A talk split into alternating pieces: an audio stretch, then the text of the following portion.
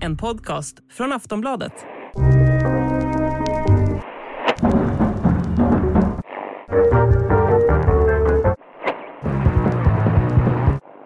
You can't hate the roots of a tree and not hate the tree.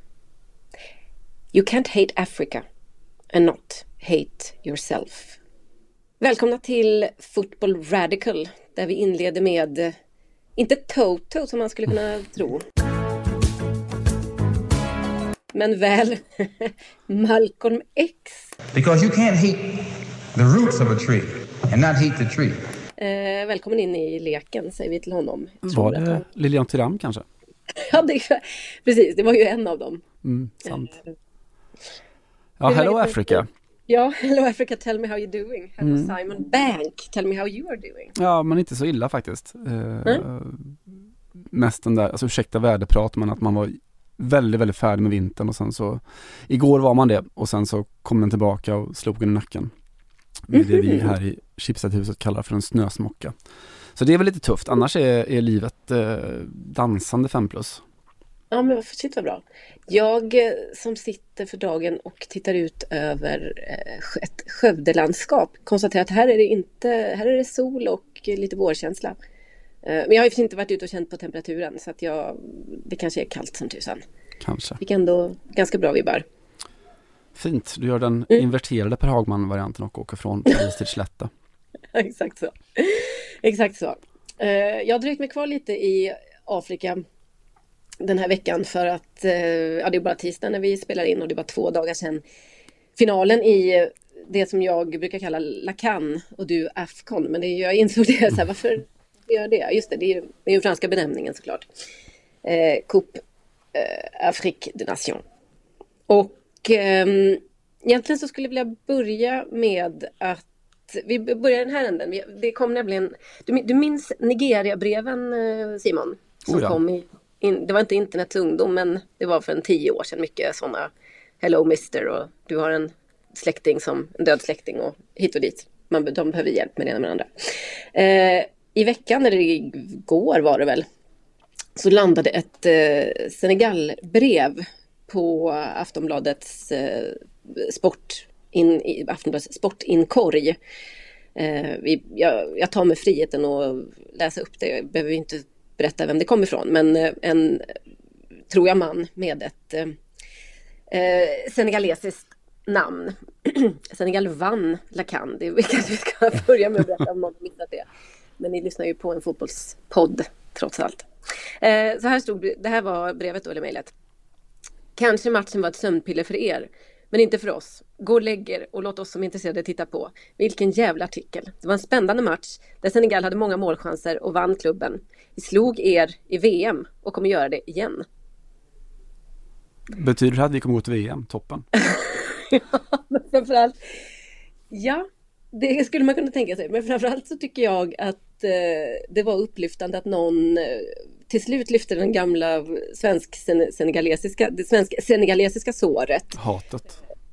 Som inte jag, ja, hatet exakt. Som jag nog för egen del faktiskt inte hade tänkt på den här gången. Men jag minns att för bara några år sedan så hamnade jag i, i slang med en eh, senegalesisk, ja, det var, jag, jag var på en turistort. Och eh, började prata med en senegalesisk eh, försäljare av, du vet, eh, sån här stra, strandkrimskrams. Och eh, Sverige och då var det liksom hans första, så, ah, Camara, minns du? Ja, så jag, jag, jo, jag minns, tack så mycket. Ehm, att det finns en, en svensk-senegalesisk eh, fotbollskoppling som eh, man ju gärna hade sett i och för sig falla i glömska, men jag tyckte det var lite poignant att eh, få med det i ett brev här. Och jag förstår också, jag, jag känner att jag verkligen, verkligen kan identifiera mig med den här mail, mailaren. Du vet själv hur det är när man, när Sverige spelar eh, fotbolls-VM i Ryssland till, till exempel, eller EM var det väl senast, och blir anklagad för att vara tråkigast i världen och själv sitter man och bara biter på naglarna för att det, man upplever det själv som så sinnessjukt spännande. Så kommer någon artikel i motståndarlagets eh, media eller i bara internationell media och talar om hur tråkig matchen var och man liksom känner att så här, nu, ni pissar på oss. Liksom. Det går inte, man får inte skriva så. Eh, jag vet inte vem som var ansvarig för den här artikeln hos oss, men det var väl en en generell åsikt att match, eller finalen mellan Senegal och Egypten inte var så rolig fram till förlängning och straffar. Jag ska säga att det var så här att jag, jag är ensam med, med, två små barn och det var liksom mitt i, i läggning, den började åtta svensk tid, eh, matchen och eh, det drog ut på tiden med läggningen så att sådär vid, framåt vid kvart i tio någonting var klar. Men jag hade ändå mm. sådär, var trygg i övertygelsen om att ja, men det kommer ju stå 0-0 när jag kommer ner. Jag kommer kunna se förlängningen, jag visste det. Ja. Alltså, det mm. var, Egypten spelade sin fotboll så i det här mästerskapet och, och landade. De, de följde planen hela vägen fram till, till straffmissarna. Salah can't bear to watch Sadio Mane to win the Africa Cup of Nations to give Senegal success. Mane! Mane! Senegal are African champions! Ja, visst. Nej, men det var väl, det var väl också det. Och jag tycker att det är, det är ju också, det finns ju en dynamik i det här, eller en historik som man inte kan frånse, eller bortse ifrån. Nämligen att eh, afrikansk fotboll ofta blir anklagad för att vara irrationell och lite så. Det är regndans hit och det är målgester dit. Och, men att det inte är så mycket strategi, alltså du vet den här gamla fördomen eller vad vi ska kalla den. Och nu när det för en gång skulle vara liksom en tajt eh, match som, som ingen ville förlora så att säga. Så kan jag tycka att vi inte ska hålla på och gnälla på det. Det var eh, ja, eller gnälla final. på. Man... Var, var... Ja men det var final, mm. vad fan tror jag exakt, mm. vad väntar ni er? Och eh, en, eh, bara man var lite insatt i, i omständigheterna så var det ju en, alltså otroligt mycket som stod på spel. Och inte minst såklart för Senegal som har varit i, eh, om inte en handfull så i alla fall ett par finaler tidigare och eh, men aldrig vunnit någonting. Och, och, när man tittar på startelvan så får man ju lite sådär svindel, lite som man kanske bara får när man tittar på, inte vet jag, Frankrikes senaste startelva sådär. Men den är mm. ändå så pass känd. Men det är ju, man liksom hajar till på att det är sådana extremt, eh, extrema världsnamn på nästan alla positioner på ett sätt som Ja, man, det är väl värt att prata om ett eh, senegalesiskt fotbollsunder, även om eh, väldigt många av dem såklart är eh, fransmän och uppvuxna i, uppväxta i Europa och sådär.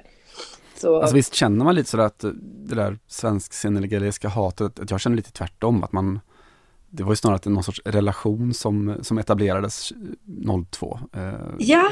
Jag var ju där, alltså, jag minns att man, man blev, det var ju omöjligt att inte bli förälskad i, i det där laget. Ja. Eh, och i Bruno Mützy, eh, förbundskaptenen och hans Duba, han hade en, en en senegalesisk hustru eh, som var liksom det vackraste man hade sett och det var liksom fest och fläkt och flärd och otroliga, otroliga spelare och sen så hela Senegal var, var på väg någonstans. var väl med på den Vad sa du? resan?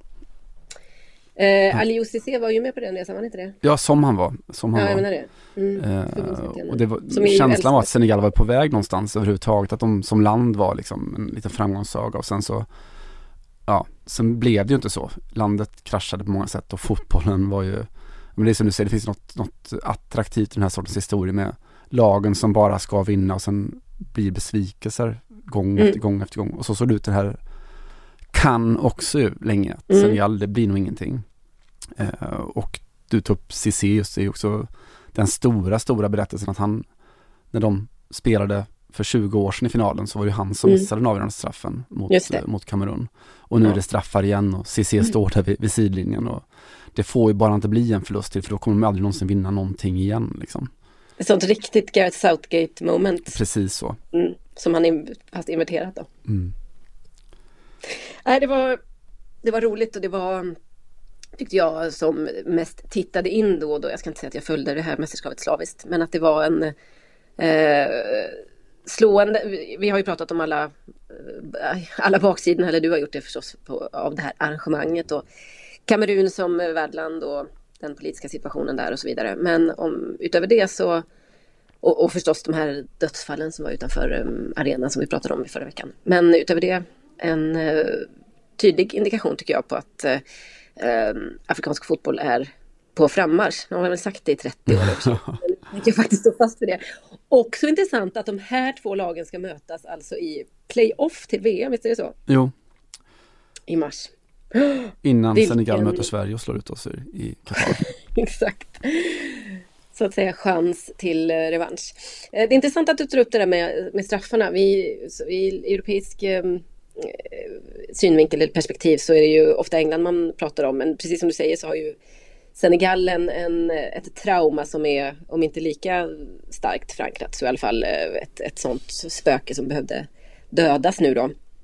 Eh, och eh, det blev ju lite pannkaka, som eh, Nyamko Sabuni brukar kalla det, av eh, Egyptens ehm, straffläggning. Alltså de vann sin semifinal då på straffar och då eh, räckte tre tror jag. Eh, fyra möjligtvis. Nej, tre. Jag tror man behövde bara slå. Ja, nej, fyra straffar kanske det var. Eh, Mohamed Salah behövde inte då. Han var väl femte straffläggare och samma sak hände ju i söndags. Eh, att Mo Salah hade eh, tänkt sig, eller var utpekad som femte straffläggare, men man, Senegal tog hem det på sin femte straff och då fick han liksom inte komma in i, i handlingarna. Eh, det här kan man säga jättemycket saker om. Jamie Carragher skrev så här på Twitter. That is why your best penalty taker should never go fifth. Mo Salah not taking a penalty for Egypt in a shootout in a final is madness. It also happened to Ronaldo years ago for Portugal versus Spain. Uh, jag lyfter det här ämnet lite, lite lätt senast. Att uh, man, man, det finns ju en liknande situation med uh, Kylian Mbappé i uh, sommarens EM när Frankrike åkte ur Schweiz. Nu fick han ju lägga den straffen och brände den. Men att det finns, eh, man kan diskutera när, när ska den liksom fetaste världsstjärnan in och lägga sin straff? Eh, har du en tydlig åsikt undrar jag i det här? För att nu blev det ju ändå så att Mané eh, fick liksom slå hem guldet så att säga till Senegal. Så de hade ju egentligen inte den strategin också. Men undan kom ju såklart kritik av förståeliga skäl. Alltså min känsla är väl lite att, och den är ju inte befäst och vi har pratat om grejordets extensiva straffforskning som man vet allt om, om men den är ju, den är ju i mångt och mycket liksom en, en kvantitativ eh, undersökning då. Att Tittar mm. man på en miljard straffar så, så ska det se ut så här och storstjärnorna missar oftare än, än juniorerna och så vidare. Men känslan är väl att, jag tror att man kan läsa in det så här, att det är ingen slump att du sätter Mané och eh, Salah sist. Du kanske gör det för att det är de som ska avgöra. Eh, vilket är i linje med liksom individkulten i, in, inom fotbollen och så att man vill ha bilden som man, som nu, nu Senegal fick då med Mané som dunkar in den, fruktansvärt bra straff och, och mm. springer ut och och jublar. Man vill ha den bilden med Caroline Seger också. Usch, nu får jag ont i magen. Ja, ta inte den. Nej, men jag menar det är ju lite... Nej, men vi pratar inte om det. det var, nej. nej det är för jobbigt. Uh, Okej, okay, back to... Too, too soon. Uh, faktiskt. Faktiskt. När, när kommer inte vara too soon att prata om den finalen? Kanske aldrig. Vi, nej, men alltså vi pratar ju om ett 20-årsperspektiv här. Ja, Labé har ju slutat i alla fall. Det var väl fan på tiden. Ja, Målvakten kan hon gå, gå och dra upp på sin psykiska ohälsa. Förlåt, men det tyckte jag var, jag tyckte det var halvrimligt. Den borde vara hennes normaltillstånd. Eh, förlåt, förlåt ja. Stefanie och alla i Kanada. Men eh, eh, känsla då eh, att det kanske borde vara så att, att ledaren leder sitt lag och det gör man genom att gå, gå först ut. Alltså att du går ut mm. som, en, som en Harry Kane, förlåt bias då, men, men att du som en Håkan Mild. Ja. ja men du visar ditt gäng sådär att ja, men jag, ta min rygg så går vi. Det är inte jag som står mm. och ska lyfta pokalen och jubla högst men utan jag är den som ska ta smällen först av alla. Mm. Eh, och det är källa, känsla då i det fallet. Jag tycker ja. att det, det, är den snygga lösningen. The good way to go. Ja. Ja precis, och det finns väl rätt mycket empiri som, som stöder det också. Det som, det som det man kan vackla på är precis det som du säger, nämligen att, att stjärnorna, alltså det finns ju två saker i vägen mot varandra. Det ena är ju att det kan bli en enorm boost då om eh, superstjärnan visar och sätter den. Mm. Men eh, om man tittar på den andra statistiken som säger att eh, riktigt stora fotbollsstjärnor eh, missar ganska ofta. Mm. Eh, I alla fall minst lika mycket som mindre rutinerade eh, straffläggare. Så finns ju också en poäng med att inte sätta dem först utan smyga in dem som två, tre någonting. Mm. Så att det är ju verkligen, ja, det är också väldigt typiskt kanske inte Jamie Carragher, men hela det liksom engelska vad ska man, självsäkerheten i, i den här typen av utlåtanden. Jag, tror inte han satt och kollade på på Geir Jordets äh, forskning, nej kanske inte. Nej, precis innan han drog ut den här tweeten. Utan det är liksom så här, it's madness. Mm. Uh, ja. Men alldeles oavsett så är det ju, det som alla säger är ju att vi vinner tillsammans, vi förlorar tillsammans. Det spelar ingen roll vem som missar. Är det Antonija Elanga eller Ronaldo som missar så spelar det ingen roll för vi gör det tillsammans. Men mm. samtidigt så blir det ju en, en, form av särbehandling av den stora stjärnan. Att det, det läggs stor vikt vid, ska han gå först eller sist? Han kanske mm. borde gå som nummer tre då. Bara ja. in, in, i laget som vem som helst. Just det. Eh, ja, det blir, blir mycket mm.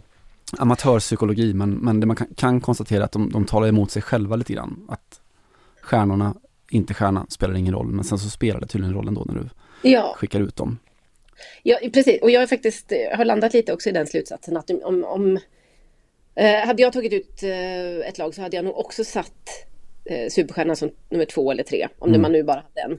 För uh, har, man väldigt, har man flera stycken, liksom, alltså som PSG häromdagen då, då, när Messi gick först, men så har man också Mbappé, eller man har ett, ett, liksom ett pärlband såklart. Nu gick det inte ändå, men då kanske man kan resonera lite annorlunda. Men har du en superstjärna så hade jag nog också, varför inte tvåa liksom? Ska vi bara säga det att det är så, Fotboll Radikals officiella linje? Det Editorial jag. Mm. Vi är eh, oberoende... Dags att utarbeta en sån. Liberala. radikala. radikala. Oberoende radikala är det. Mm. Och eh, din superstjärna ska ta straff nummer två och så var det med den saken. Så var det med den saken. Mm. Också för att man faktiskt kan då, då får man ju också lite, lite chans att rädda upp om den första, om den första är Håkan Mild så att säga. Och det ska det ju vara också, det kan vi också anta. Ja. I en resolution. Ja. Håkan Mild tar den ja. första, superstjärnan den andra. Är det så här, du som har lite ingångar på Aftonbladets ledarredaktion, är det så här de sitter och bara bestämmer sig för en linje? Alltså i det stora hela tror jag att det, det är väldigt mycket så som måndagsmötena mm. tar sig ut. Faktiskt. Och, mm, och särskilt ofta just straffordningen. Ja, jag menar det. Under OS, stafettlagsordningen och sånt. Kalla ja. ut eller in och i vilken sträcka i så fall och sådär. Ja, just det. Jag ska avslöja det att jag sitter här och är lite hög på Sveriges eh, OS-guld i sprint och OS-silver likaså på damsidan som var utspelade sig för bara några minuter sedan. Om jag har lite så, lite darr på stämman kan det vara mm. därför. Jag älskar mm. också Jonna. Mm. eh, du, det var ju inte bara... Knyta ihop säcken Simon. Just det, det är så vi jobbar. Ja. Vi ja. Och ni som fattar, fattar och så vidare. Mycket... Precis. Och det är väl du och jag stort sett då. eh, det var inte bara Afrika som hade final i, i söndags blir det va? Mm. Eh, jag zonade också lite, lite smått in på den asiatiska mästerskapen mm. eh, för damer. Eh, och det gjorde jag mest för att jag såg att Harry Kane skickade iväg en hälsning till Kina i finalen. Eh, och det gjorde han ju inte av politiska skäl. Det hade ju inte varit jätteöverraskande heller kanske. Utan han gjorde det för att han då har, ju, har en klubbkompis i Kina, en mittfältare i Kina som spelar för Tottenham. Tang Jiali spelar där. Hi Jiali Tang, uh, Harry Kane here. Uh, I just wanted to wish you all the luck uh, for your Asian Women's Cup final. Uh, all the best. Uh, loads of support from me and obviously all the lads here and all the staff. So uh, good luck. Uh, hope to see you win it. Mm. Ja, resultat följde mest matchen, eller mest, ja, resultat följde matchen ska jag säga. Och eh, noterade att Sydkorea då ledde med 2-0 med en kvart, 20 minuter kvar. Vad du knappade in på livescore? jag knappade in på livescore, precis vad jag gjorde. Ja, just det. Ja. Eh, men då klev ju Tang in i handlingen, satte en straff eh, som första straffskytt då. Och Kina vände på slutet och vann med 3-2 tog mm -hmm. sin, eh, sitt första alltså, mästerskap på... Det stöder inte riktigt vår um, hypotes där om han tog den första. Och jag gissar att det är den stora stjärnan kanske. Uh, ja, hon är ju deras enda proffs i en stor europeisk liga, tror jag. Ja, jag att jag mm. kan slå fast i alla fall. Mm. Uh, men vi skulle väl aldrig i och för sig kritisera en kinesisk strategi. Så att, eh, bra jobbat Tina. Ja, det är det jag tänker gå vidare lite in och det, det här var deras första pokal. Eh, alltså stora mäktiga Kina har inte vunnit eh, dammästerskapen i Asien på, ja sedan 2006, 16 år. Eh, lite pinsamt. Och fick ju såklart massor av hyllningar då eh, på hemmaplan. Men mm. det som var intressant var att även på, då på sociala medier, på Weibo heter det väl och sådär va? Just det. Eh, så, Tinas Twitter. Mm, precis. Var det mycket kritik också mot eh, om nu damerna är så mycket bättre än herrarna, för herrarna är, är ju kass. Eh, mm. Hur kan det då komma sig att de tjänar så mycket mindre? De... Är det så alltså? Detta har liksom, okej, okay, spännande. Ja, de skrek på equal pay, precis som ett litet eko från, från oh. VM 2019. Oh. Eh, de tjänar en bråkdel av vad, vad männen gör, trots att de då vinner oftare. Eh, det var till och med en sån hashtag som eh, handlar om just löneökning för, för damspelarna som då trendade på, på Weibo. Fan, först knappade du in på Livescore och sen knappade du in på Weibo eh, mm. och, och, och, kollade hashtags där. Ja, jag är... Jag kan knappa in, mer än... Jag kan knappa away the best of them. Men du, visst var det så att typ Kinas näst rikaste man gick in med jättemycket pengar efter var det VM 2019? När liksom det till slut fick slås fast att Kina på damsidan hade tappat så mycket. Eh, och att de, gör, de har en jättesatsning på gång. Jag, jag kan inte påstå att jag har följt upp den på något sätt. Men det är ju, mm, alltså det har eh, satsats mycket av, ja, prestigeskäl ska vi inte säga. För det gör man väl i alla länder av prestigeskäl. Men att det, det har börjat liksom eh, komma in pengar och investeringar i alla fall vet jag i de fotbollen i Kina. Ja, ja och mm. det hände ju nu också då när det blev en det blev en bred debatt där om inte bara pengar utan mediebevakning, att den är för skiktad och så då, att eh, man ser ner på kvinnor och sådär. Mm. Eh, och det var så spons stora sponsorer som klev in med bonusar till, till eh, mästarinnorna. Och sådär. Och lite tänker man att det finns något, något så dubbelt i det då, att dels då att det här att det kan debatteras i Kina överhuvudtaget. Mm. Eh, och å andra sidan då att fan, om inte ens Kina så här liksom en kvartsrast efter Mao kan vara helt jämlika, vilka ska man då kunna lita på? Mm. Eh, och landar i den breda taken att det här med tjejer och fotboll är ju ganska problematiskt ändå. Mm. Lite överallt. Eh, jag tänkte på det, vi fick ju ställa in lite grann vår förra vecka. Eh, eh, eller skjuta upp, eller vad vi nu gjorde. Eh, och den veckans kanske stora story var Mason Greenwood fallet såklart. Jag skrev om det. Mm. Uh, Skjuta upp vet jag inte. Jag minns att vi spelade in en podd vi fick inte med honom. Det var kanske det. Ja, så kanske det var. Så kan det vara. Vi, vi sköt upp Mason Greenwood i alla fall. Uh, av, av anledningar. Ja, jag lovar att vi poddade för exakt en vecka sedan till dags dato. Ja, du ser. Det där fick jag mm. skriva om det istället. Kanske var det så, så det var. Mm. Uh, jag ska inte, ska inte fördjupa mig jättemycket Mason Greenwood eftersom jag redan gjort det då i text och eftersom det, det tåget har gått lite grann. Men jag noterade att då ungefär samtidigt så kom det en, eh, jag tror det Guardian som skrev om en undersökning från Durham University uppe i nordöstra i England. Eh, forskare där som har intervjuat eh, ett par tusen manliga fotbollssupportrar för att kartlägga hur de ser på kvinnors idrott överhuvudtaget. Mm -hmm. eh, de landade i att man kunde dela upp då de här supportrarna i tre stycken grupper. Dels då de som hade så progressiva attityder, de som var öppet misogyna och de som då hade vissa sexistiska attityder. Och eh, vilken grupp tror du var minst? Ja, alltså jag, som den pessimist jag är så tror jag väl att det kanske var minst av de som var progressiva. Man vill ju tro det. Det var faktiskt de mm. som var lite varken eller, de som var lite små sexis, sexister sådär. Mm. De minst, de, men du har rätt att den, den stora gruppen, två tredjedelar ungefär var då öppet misogyna. Mm. Vilket då innebar att de tyckte typ att kvinnor ska inte idrotta alls. Och ska de nu göra det så ska de ge fan i spela fotboll i alla fall.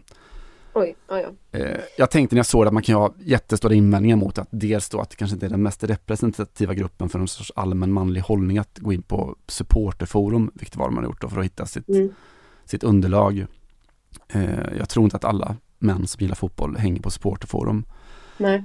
Men någonting så säger du ändå. Mm. Eh, tycker jag. Och... Ja, alltså framförallt så säger det ju något om eh, attityderna i den miljön. Mm. Som ju tyvärr inte är så förvånande. För att det är klart att eh, vad man säger och vad man tycker, eller ja, vad man skriver på forum och vad man egentligen tycker behöver ju inte alltid eh, korrelera. Det, det, finns ju många, alltså såklart indikationer på att eh, forum och internet generellt, digitala plattformar ökar på polarisering och bla bla bla. Men om det är så där folk uttrycker sig så betyder det att det är den generella hållningen man kommer mm, undan med bäst i, på ett forum. Och det är väl det kanske som är det, det kritiska. Det är modersmålet i, i forumet. Eh, Just så. Och i det här Snyggt. fallet att man tar med sig den utanför också. På sätt och mm. vis. Eh, det här blir liksom en, någon sorts drapa om, eh, om hur man ser på kvinnor inom fotbollen och så. Eh, väldigt problemorienterat och det är lite trist. Eh, men det ska ändå göras då i, inte minst i svallvågen efter Mason Greenwood och Ronaldo Giggs, eh, hela den diskussionen som kom ut från det. Jag vill också lyfta då en, en annan nyhet som är, är underrapporterad i Sverige tror jag i alla fall, att eh, nu för någon vecka sedan bara så kom domen i Högsta domstolen i Italien, eh, nere i Rom, mot Robinho eh, som då överklagat sin långa nioåriga fängelsedom eh, då och fick avslag där. Den domen står fast. Han fälldes ju då för en gruppvåldtäkt 2013. Mm. Han och fem stycken andra män som våldtog en ung kvinna på en nattklubb i, i Italien. Eh, han är efterlyst av Interpol eh, men då är, befinner sig hemma i, i Australien, hemma i Brasilien mm. eh, som inte då har något utlänningsavtal.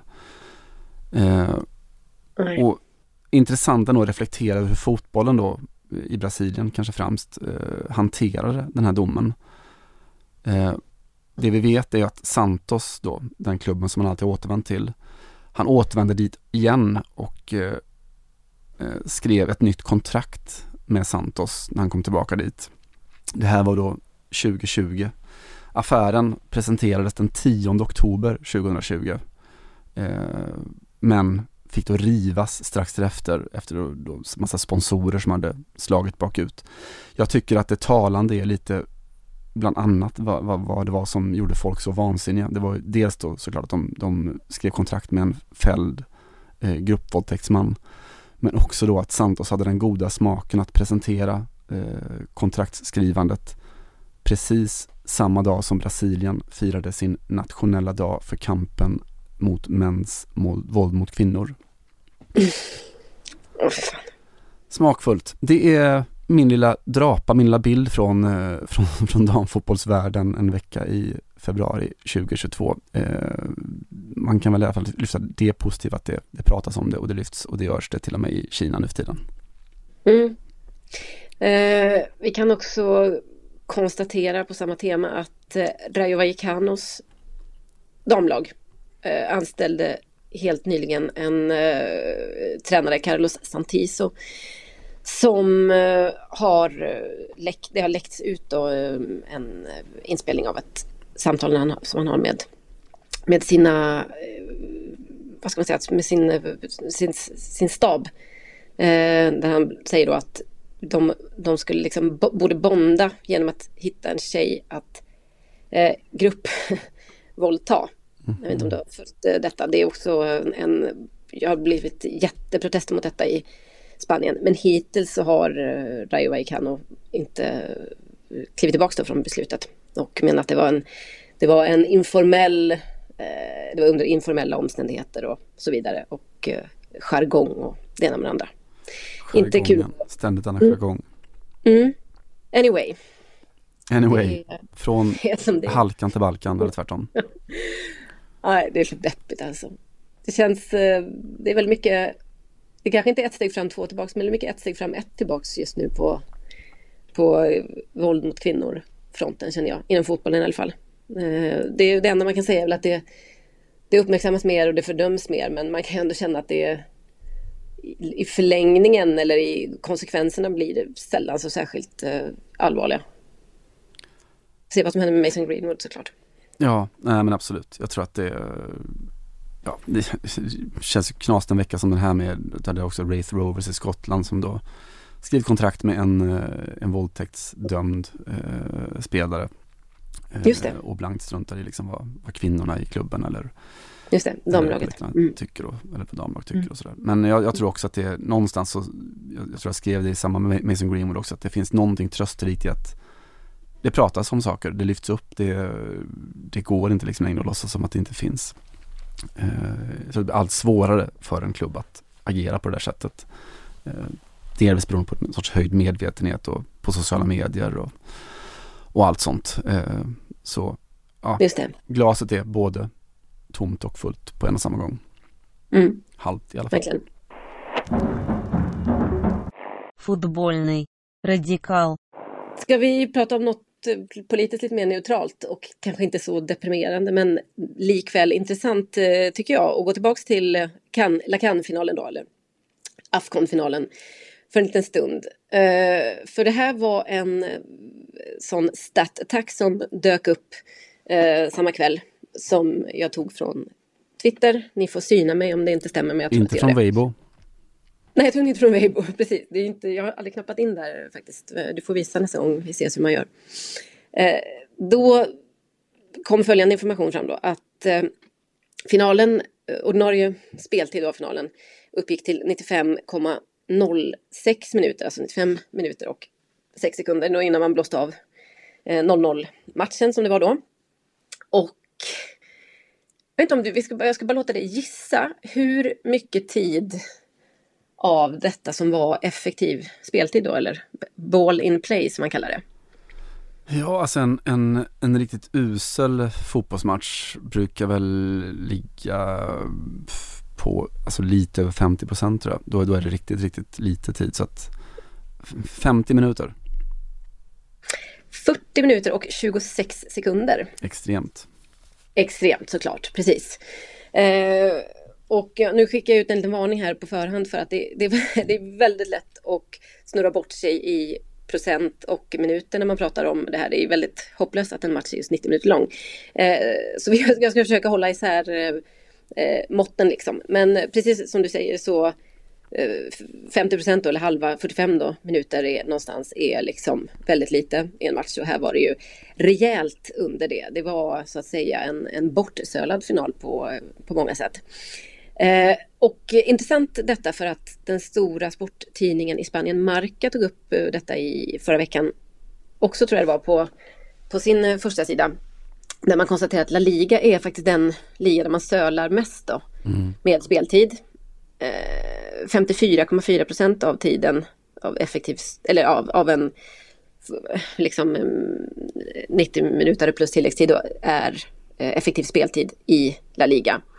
Och det gör dem till absolut sämst av dem, åtminstone de stora ligorna.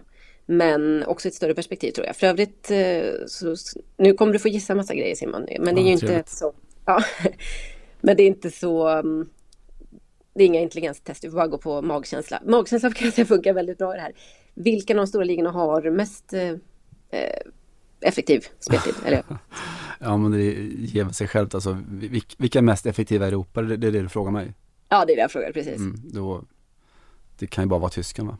Det är givetvis är tysken. Natürlich, diese Deutschen, immer so genau.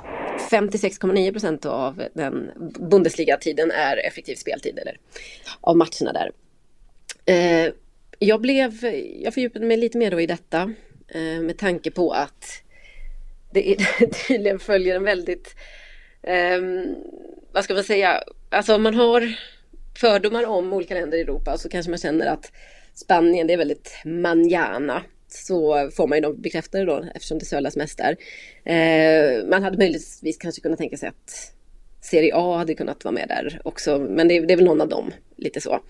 Eh, och från eh, 2018 då så hittade jag statistik som gick lite utanför de, de bara de stora eh, ligorna. För där finns det väl mycket statistik då, de kanske 5, 6, 10 största ligorna. Och då visar det sig att, eh, återigen då, vi säger 2018, men det finns väl inget skäl att tro att det skulle ändrat så mycket. Att eh, allsvenskan var, ligger etta i Europa i effektiv speltid. Mm. Eh, 59,7, alltså vi är nästan uppe på 60 procent och tassar. Um, I, i um, en svensk, eller en europeisk kontext är det absolut högsta. Och så har vi då ett, allsvenskan två. Um, Eredivisie, alltså holländska ligan, tre Veikkausliga, Finland. Fyra, Superliga Danmark. Fem, Vitryska Premier League. Oh. Eh, jag har ingen, ingen riktig åsikt om vitrysk effektivitet. Men eh, det var lite talande tyckte jag ändå att eh, eller liksom min, min inre fördomspoddare mös lite av att det bara var nord, nordeuropeiska lag på topp fyra. Um, och att det är, det var det ena. Och det andra är ju att det är fruktansvärt lite fotboll man får för pengarna när man Vad går fan får du pengarna? Ja. Vad fan får jag för pengarna? Det skulle faktiskt nästan alla La Liga-supportrar kunna ställa sig. Eh, ska säga att Real Madrid har ganska hög effektiv speltid. Jag tror att man, det finns nog ganska mycket slutsatser att dra efter hur mycket boll man brukar ha och så vidare. Eh, och hur, hur, dominant en klubb är. Men det är inte, det är inte genomgående så att det är, det är de bästa klubbarna som har mest speltid. Däremot så har PSG då högst, i den senaste mätningen, de har högst effektiv speltid i, eh, av de europeiska storklubbarna. Vilket, jag vet inte vad det säger riktigt, men vi bara konstaterar detta. Alltså en teori är väl alltså, med, om man låter avstamp i att du, du eh, utgick från, från Afcon-finalen, att jag tror att ju viktigare matchen är, ju mer hackig blir den ju normalt tänker jag. Eh, mm. Och andra faktorer liksom, alltså en lång ligalunk är det, alltså Real Madrid vet ju om att de vinner och de de möter vet också om det. Det är lite lugnare och dessutom då det här är rent fotbollstaktiskt tekniska, är det en possession-liga eller är det en omställningsliga och så vidare. Ja, just. Kanske man får mer. Ja, nej men så är det ju. Alltså PSG har då ett eh, snitt på, och det här är då helt färska siffror, eh, 63,08 procent eh, effektiv speltid. Vilket är ju ganska mycket då i, i, eh, eller ja, eftersom det är mest så är det så att säga ganska så mycket. Eh, tvåa då, Manchester City, det är ändå två klubbar som har ganska mycket gemensamt. Eh, mm. kan man ju konstatera, men det är inte givet att det kanske skulle slå, slå igenom i, i speltid. För de, det är också två klubbar vars spelmodell inte liknar varandra så mycket i år i alla fall tycker ja. jag. Nu kan man ju konstatera att det här kanske är eh, ackumulerat från de senaste säsongerna möjligtvis då. Men det är, det, det är väl också att man haft en mycket bollinnehav då, överlägsenhet och så vidare och så. Eh, Manchester City klockar in på 62,82 så de är under 63. Det är bara PSG som är över 63 procent kan vi konstatera. Eh, Lazio, mm, kanske lite förvånande, fast jag vet inte på tredje plats. Bayern München är fyra, vilket inte förvånar någon. Och sen så har vi, om vi hoppar ner till sjätte plats, så har vi ditt Marseille då, som snittar precis över, ja, nästan 61 procent. Och vad fan får du för de pengarna? Och vad får man det för det? det? Det är faktiskt den stora frågan kanske. Um, det, alltså i de, de mer liksom fotbollsstrategiska och etiska och vad du vill eh, diskussionerna, de där som kanske förs på eh, Arsene Wengers rum i, i, i Zürich, så återkommer ju den här. Men nu har det väl varit lite lugnt ett tag på den fronten. Men men det finns ju en, en liten lobby, eller skulle jag vilja på, påstå en pågående diskussion om det här med effektiv speltid. Alltså att man helt enkelt skulle ändra på själva mm. upplägget inom fotbollen. Eh, och det är klart att får du 40 procent eh, effektiv speltid av en match så kanske det är lätt att, att känna att det, man blir lite snuvad på konfekten. Man får inget för, sina, för, för inträdet eh, och så vidare.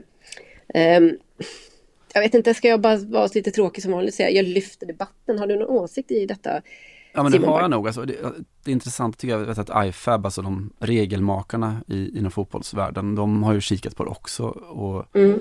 Jag vet att när de pratade om, om det så var det ju att dels diskuteras att, att bara införa effektiv speltid under slutet av halvlekarna, typ sista fem i första och sista tio i andra och sådär. Mm. För att det är då det maskas som mest och spelförstörs mm. som mest. Eh, alternativt så pratar man om att man skulle kunna ha då två stycken halvlekar där man mäter allt och de i så fall skulle vara 30 minuter långa. Mm. Vilket ju betyder att det skulle motsvara en effektiv speltid på 67 procent jämfört med idag. Om jag räknar rätt. Eh, vilket ju då är att där är lagom, alltså att få se ungefär, alltså det är väl nästan mer fotboll än vi får se i, i allsvenskan då, eh, enligt dina siffror. Ja visst. Eh, mm. Och jag är faktiskt, alltså jag är ganska, ja, vad heter det? Alltså jag, är, jag är inte jättemycket för förändring och så, men, men Nej, konservativ. Konservativ, tack. Men just, mm. just uh, i det här fallet så är jag helt för, tekniken finns och det vore ett tydligt signalsystem och det skulle kanske också göra domarnas jobb lite lättare på många sätt. Att du, ja, du kan inte gå in och, och försöka förstöra domarens jobb med att protestera och maska och filma och, och vad det nu kan vara. Liksom. Det, mm, intressant. Så jag är, jag är för, och jag vet också från då, de källor vi med Fifa att de är inte heller negativt inställda till det. Så att, Nej. Varför inte? Nej, alltså jag, jag, jag kände lite som du. Alltså, jag, jag ska säga jag är spontant är jag ju också emot för att jag är konservativ eh, fotbollsmässigt i, i, liksom, i själ och hjärta. Men när jag blev eh, ändå konfronterad med de här ganska chockerande siffrorna så börjar man känna att det, det, man är uppe på, på tider och liksom på nivåer som, som gör att det ju skadar upplevelsen ganska så rejält såklart. Nu kanske man kommer undan med det i en final då i, i ett stort mästerskap för att det finns annat som, som står på spel. Men precis som du säger, det är väldigt lätt att se att vissa lag kan sätta det här i system. Och eh, man kanske också kan argumentera för att svenska klubbar är, blir lite straffade på när de ska ut, ut i Europa, som de gör emellanåt. För att man inte alls har den här vanan hemifrån. För svenska, svenska fotbollsdomar tillåter inte detta uppenbarligen då. Inte alls i samma grad i alla fall. Det är åtminstone analysen från eh, 2018. Att 2019 var det till och med. Så att eh, det var ganska så, någorlunda ny. Um, och att uh, ja, det kanske också skulle vara ett sätt att jämka lite de olika ligorna och fotbollen från olika länder. Men jag är inte säker på att jag den dagen som det här genomförs kommer stå där och tycka att det liksom känns jätte... Alltså det kanske ändå kommer vara en lite konstig upplevelse precis när det sker. Eller är det lite mm. som att byta vänster till högertrafik? Att det är så här, oj, man kanske röstar ja, men sen så blev det ändå jobbigt ett, ett halvår och sen så, ja, okej okay då. Mm. Ja, men högertrafiken röstade alla nej och sen så var det inte så konstigt då. Så det, Nej, så var det. Kan slå, det, var ju precis. det kan slå åt två håll, vi som mm. var med på den tiden. Mm. Eh, jag tänker också, det finns ett pedagog, pedagog, pedagogiskt problem i det här för, för domarna tycker jag. Att du vet hur det funkar. Vad är legio att lägga på stopptid på en, säg en andra halvlek? Ja, fem minuter. Ja, Fyra. det har ju blivit det nu liksom. Man säger, jag säger mm. fem minuter. Mm. Eh, sen tillkommer ju också alltid lite tid efter det. Vilket mm. lego kanske är en minut.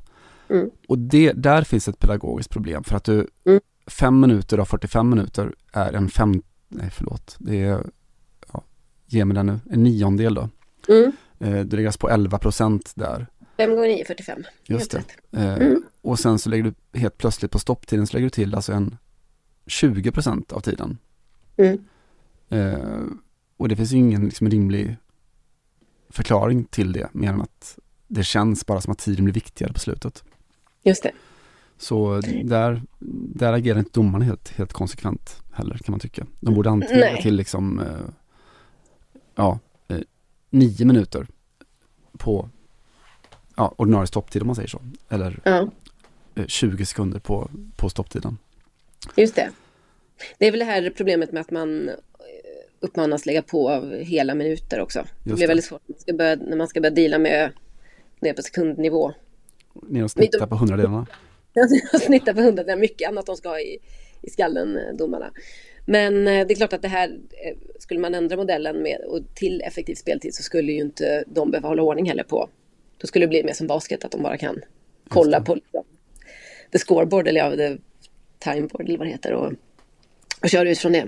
det eh, så det kanske också skulle ta en jobbig del av deras av dess uppdrag från, från axlarna så de skulle kunna liksom, fokusera på något annat.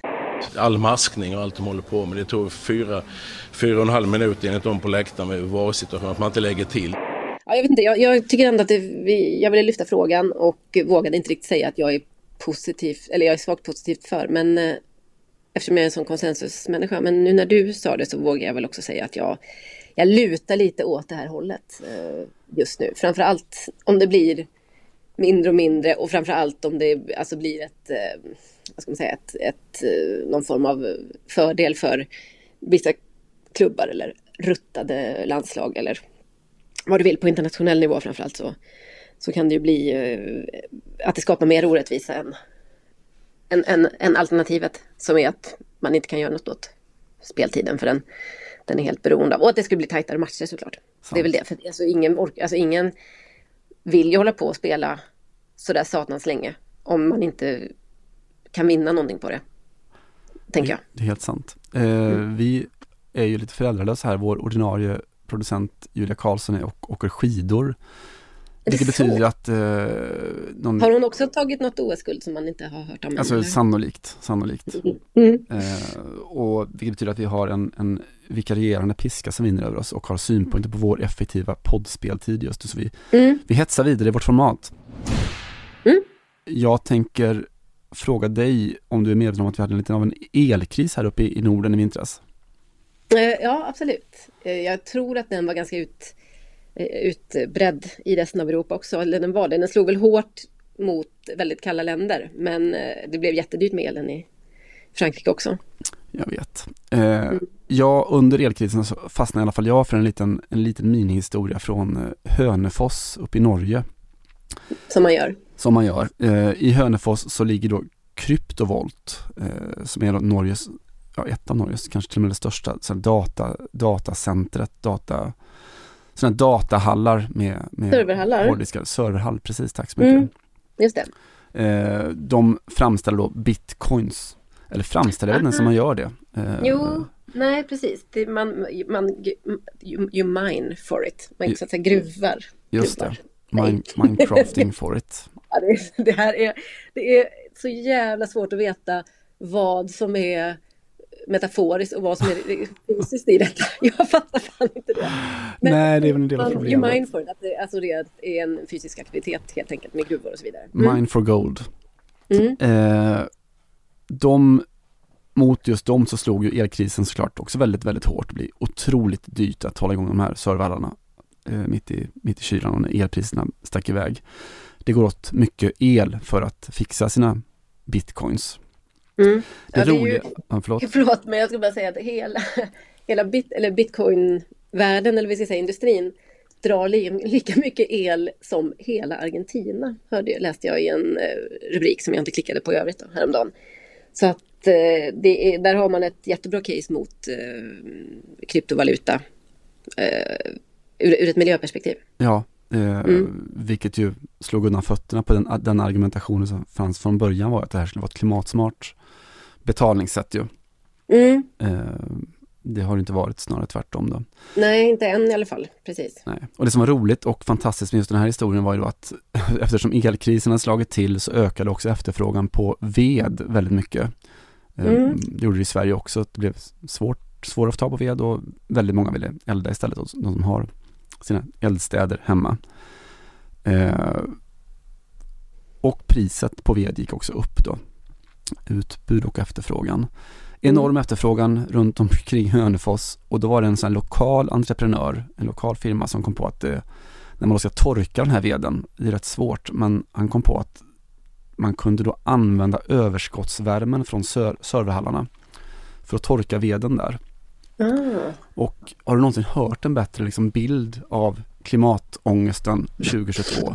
Vi har en elkris, elpriserna sticker iväg, kryptovalutan bränner el så det bara sjunger om det.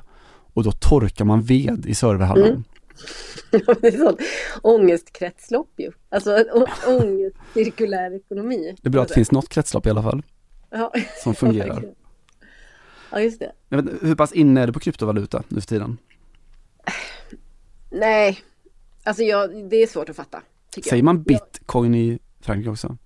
Ja. Och, och, finns det problem i det i så fall?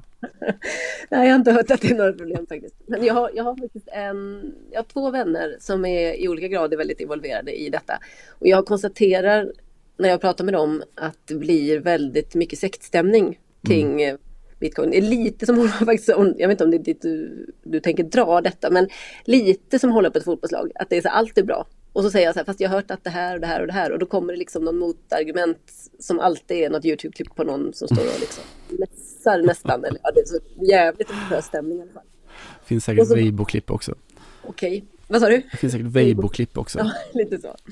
Eh, så att, nej, jag, jag, jag, ty- nej, jag är inte så jävla insatt i det ska jag helt ärligt säga. Jag, det är svårt tycker jag. Nej, alltså grundkursen är väl att det är, det är pengar i digital form då från bitcoins var först och som, eller störst i alla fall, och så framåt därifrån eh, så här förfalskningsskyddade digitala valutor.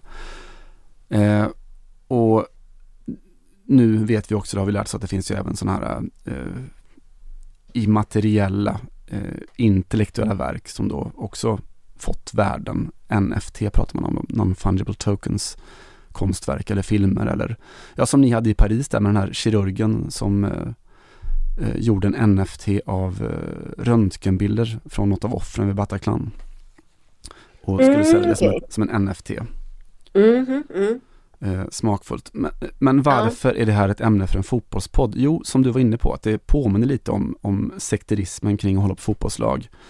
Eh, och det är inte bara du som har gjort den spaningen, utan det har ju även de som sysslar med kryptovaluta gjort och även fotbollsklubbarna. Okay. Mm. Eh, vet inte hur det är för dig, men när jag går in på när jag knappar in på Twitter nu för tiden så får jag alltid upp annonser för PSGs kryptovaluta. är det så? Ja, nej, jag, jag, jag, har, jag får ganska mycket nyhetsbrev om den, eller fick i alla fall när de lanserade den och man tänkte så här, det här måste ju vara på skämt liksom, mm. tänkte jag då. Eh, och sen så kan man säga att det så gick det ett år och sen så kom Leo Messi och fick en del av sin lön i PSG-token och då mm. insåg jag att så här, då är det nog inte på skämt för att varför skulle han acceptera det? Eh, eller jag menar, varför skulle hans pappa, eh, giriga åbäket, Varför skulle de blåsa det? honom? Jävla konstigt. Mm. Um, så det är väl vad jag har på PSGs eh, token i alla fall. Alltså svårsålt ändå sådär, att du får inte, du får inte lön men du får ett kedjebrev här du kan delta i. Leo.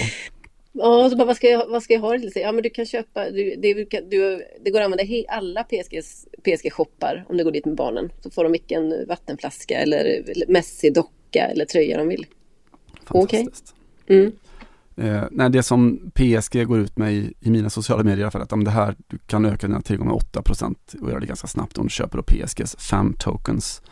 Mm. Eh, enorma pengar, enorma, enormt kapital i den här branschen. Och eh, kryptoföretagen gör ju då det som man gör om man är smart och vill få, vill synas, det är att de köper in sig i fotbollsmarknaden. Eh, ungefär som bettingföretagen gör. Eh, ja, just det.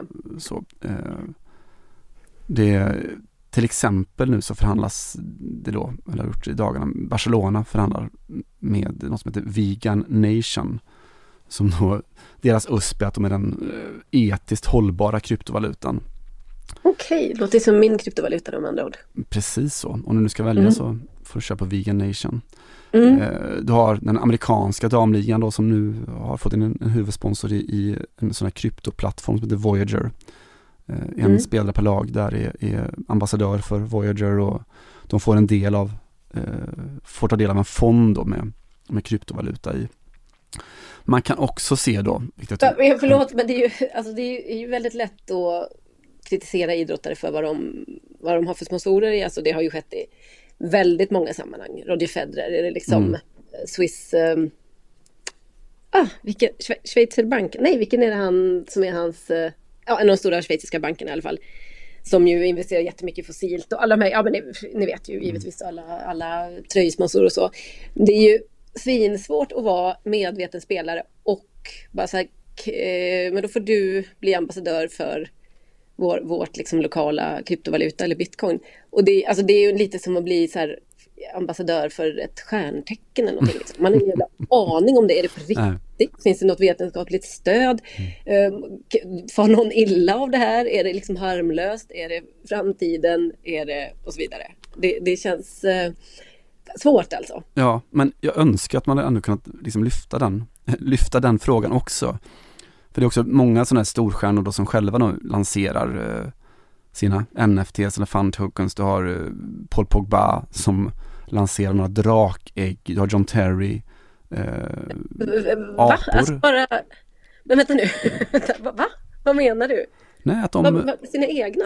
Ja, det är alltså någon sorts, eh, de kliver väl in, att det är företag som ligger bakom, men att du kan då köpa ett eh, Paul Pogba drakägg och investera pengar i det och hoppas att värdet sticker iväg eller köpa en John Terry lanserad apa. En unik liten ap, alltså en bild av en apa, de är ju inte fysiska på, på något sätt. What's gonna happen? I'm gonna be the father of the dragons and father of dragon talking. Um, och det alltså det här, du bara snurrar min skalle. Men vad fan ska man göra med då? Alltså om, man, om den stiger jättemycket värde, vad kan man använda den apan till då? Eh, egentligen ingenting. Alltså det, det är ungefär det närmaste det är att tänka sig en, en, eh, en film eller ett, ett konstverk eller, eller så. Att det är intellektuell, intellektuell valuta, något som inte är fysiskt överhuvudtaget utan det du investerar och sen så hoppas du att värdet sticker upp. Eh, helt enkelt. Alltså, förlåt, jag bara kom på tal om drak. Fick jag det är lite fria associationer för mig, hoppas du har överseende med det. Alltid. Man kommer, kommer att tänka på när Zlatan som vi vet är lite... Just det, apropå dinosaurieägg. Han fick ett dinosaurieägg. Det var jävlar med ett riktigt ägg och det var citat Zlatan minst 300 år gammalt citat slut. Var det inte så? Nej, 3000. Ja, det, var, det var i alla fall en, grov, en grov uppskattning av när dinosaurierna egentligen dog ut. Det kan ju inte kläckas när som helst det där ägget. Alltså, jag, jag, känner i, så här, i, i backspegeln så är det ändå det är en man som står upp för mot de digitala plattformarna och för de liksom lite mer eh, vad ska man säga, de, de fysiskt påtagliga och existerande värdena i livet. Inte någon jävla kryptoägg utan ett dinosaurieägg. Zlatan använder inte metaforer, metaforer använder Zlatan. Eller något. Exakt, något åt det hållet. Nej, fint. Ja, men det är jättemånga som har kastat, kastat sig på det här. Det är inte bara Pogba här, utan du har Griezmann, du har Piqué, naturligtvis Piqué. Eh, mm. Iniesta tyvärr också inne på, på kryptovalutor. Ja, det är det här tyvärr eller. Ja, ja, ja lite så. ja. Eh, och alltså som helhet sådär kryptovaluta eller NFTs, det är jättesvårt att, att liksom racka ner på det. det. Plattformen, det finns jättemycket med den som säkert är vettigt och eh, It ain't going anywhere soon, den kommer säkert att överleva och växa och så vidare. Alltså att hitta sätt där du kan värdera digitalt ägande är väl toppen. Men det man kan säga nu är att det är väl också uppenbart att det här är liksom en bransch med total spekulation. Alla rusar in, det är Klondike och ingen har en aning om vad som kommer att flyga och vad som kommer att krascha. Nej. Det är liksom ett, ett pyramidspel på det sättet. Man kan se utvecklingen då att de, de sålde något sånt här spelarkort, ett unikt Mbappé-kort såldes eh, för 800 000 för två år sedan. Ett, eh, nu pratar vi om ett vanligt ett fysiskt kort? Då. Nej, inte ett fysiskt kort. Det där är så gammalt. Det här är alltså ett, eh, ett helt abstrakt spelarkort, en liten unik bild av ett spelarkort kan man väl säga. Uh -huh. Ett år senare såldes ett Cristiano Ronaldo-kort för 3 miljoner kronor. Och för två veckor sedan så såldes ett Erling Braut Haaland-kort för 7 miljoner nästan. Vad skulle du kunna dra in på att lansera kort på oss? Jag tycker om att du lyfter frågan. Ja. ja, det här är mitt eviga problem med eh, ekonomi. Att varenda gång man tänker att man borde sätta sig in lite i saker och ting, alltså lite bättre mm. än, än, vad man eh, kan, så kommer det liksom något nytt som man bara säger, men det här kommer jag aldrig fatta. Nej. Nej, det är, det är, ofta så nu för tiden. Men mm. man, det finns någon sorts plikt, alltså inte bara för oss utan kanske också för de här fotbollsspelarna, att förstå lite vad det är man sysslar med. För att jag tycker att det här är, är fullkomligt vidrigt. Det är så jävla äckligt. Alltså det är äckligt med spelreklam. Men att det här är snäppet över det. Eh, Impad att du har en åsikt, eh, okej. Okay. Mm. Ja, men vi ser det, det är miljardärer till liksom fotbollsstjärnor då som slussar in eh, sina fans i en verksamhet där du som sagt inte kan ha en aning om vad som funkar och inte. Ja, just det. Eh, och det är klart att John Terry klarar väl sig alldeles oavsett och han är ganska väl rustad eftersom han då har sitt varumärke och det kommer säkert gå bra för hans apor.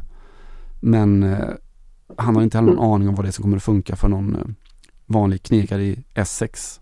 Nej. Och det skiter väl han i. Mm. Antar jag. Att det är en mm. hö högriskinvestering för, för väldigt, väldigt många. Mm. Eh, jag ska citera en eh, författare, reporter som heter Martin Calladine som har skrivit en bok som heter Fit and Proper People.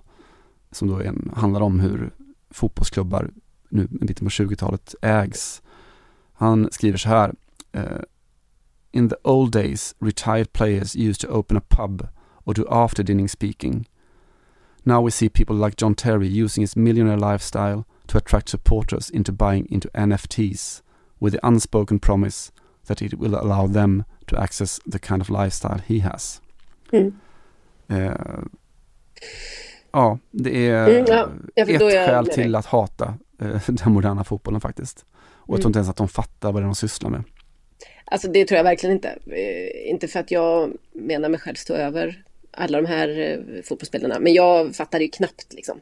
Alltså, jag fattar till en viss del och sen så bara, nej nu fattar jag inte igen när jag läser på om bitcoin och de andra. Så att eh, det gör de lite. Men de blir ju givetvis nyttiga idioter för, för en bransch som är, precis som du säger, som inte liksom vet vart den är på väg och som bygger mycket på spekulation och i värsta fall pyramidspel och så vidare. Mm.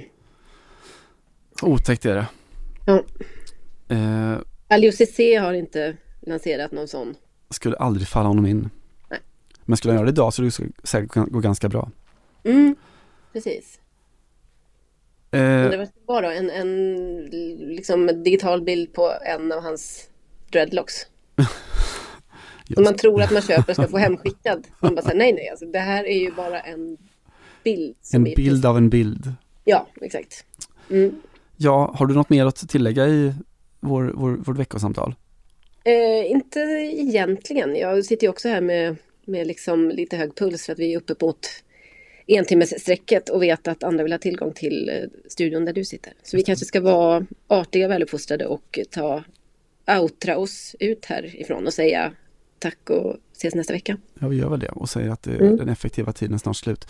Hur gör man det en vecka som den här? Eh, jag hade först en tanke, för vet du om att Andres Iniesta, på honom, har eh, gått in i musikbranschen? Nej. Nej, han sjunger inte själv, tyvärr. Nej, det var skönt. Mm, kanske. Han har lite omdöme kvar och även kryptoomdömet rök så har han ändå den känslan. Den finns kvar. Han har i alla fall, eh, hans bolag då, eh, har bytt namn och eh, skaffat ett, en ny logotyp och går nu stort och brett internationellt över alla kontinenter. Någon sorts agentfirma som ger sig in i massa olika branscher och då bland mm. annat in i musikbranschen, inte bara idrottare nu. Så min, min plan var att spela någon av hans artister men jag hittade inget som ens var i närheten av att vara bra nog för en radikal fotbollspodd. Eh, så jag tar till ett annat tema för en vecka som den här och det bästa jag hittade var en låt om John, av John Lennon skriven om en eh, kraschad otrohetsaffär med en tysk fotomodell. Så eh, tack för allt med lite gammal hederlig Beatles. vi spelar exklusivt för 2022 Norwegian Wood. Eh, tack för att ni lyssnade så hörs vi alldeles snart igen. Tjingeling! Tjingeling! I once had a girl, or should I say, she once had me.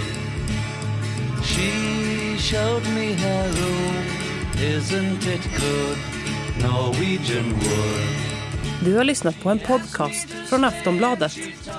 Ansvarig utgivare är Lena K Samuelsson. So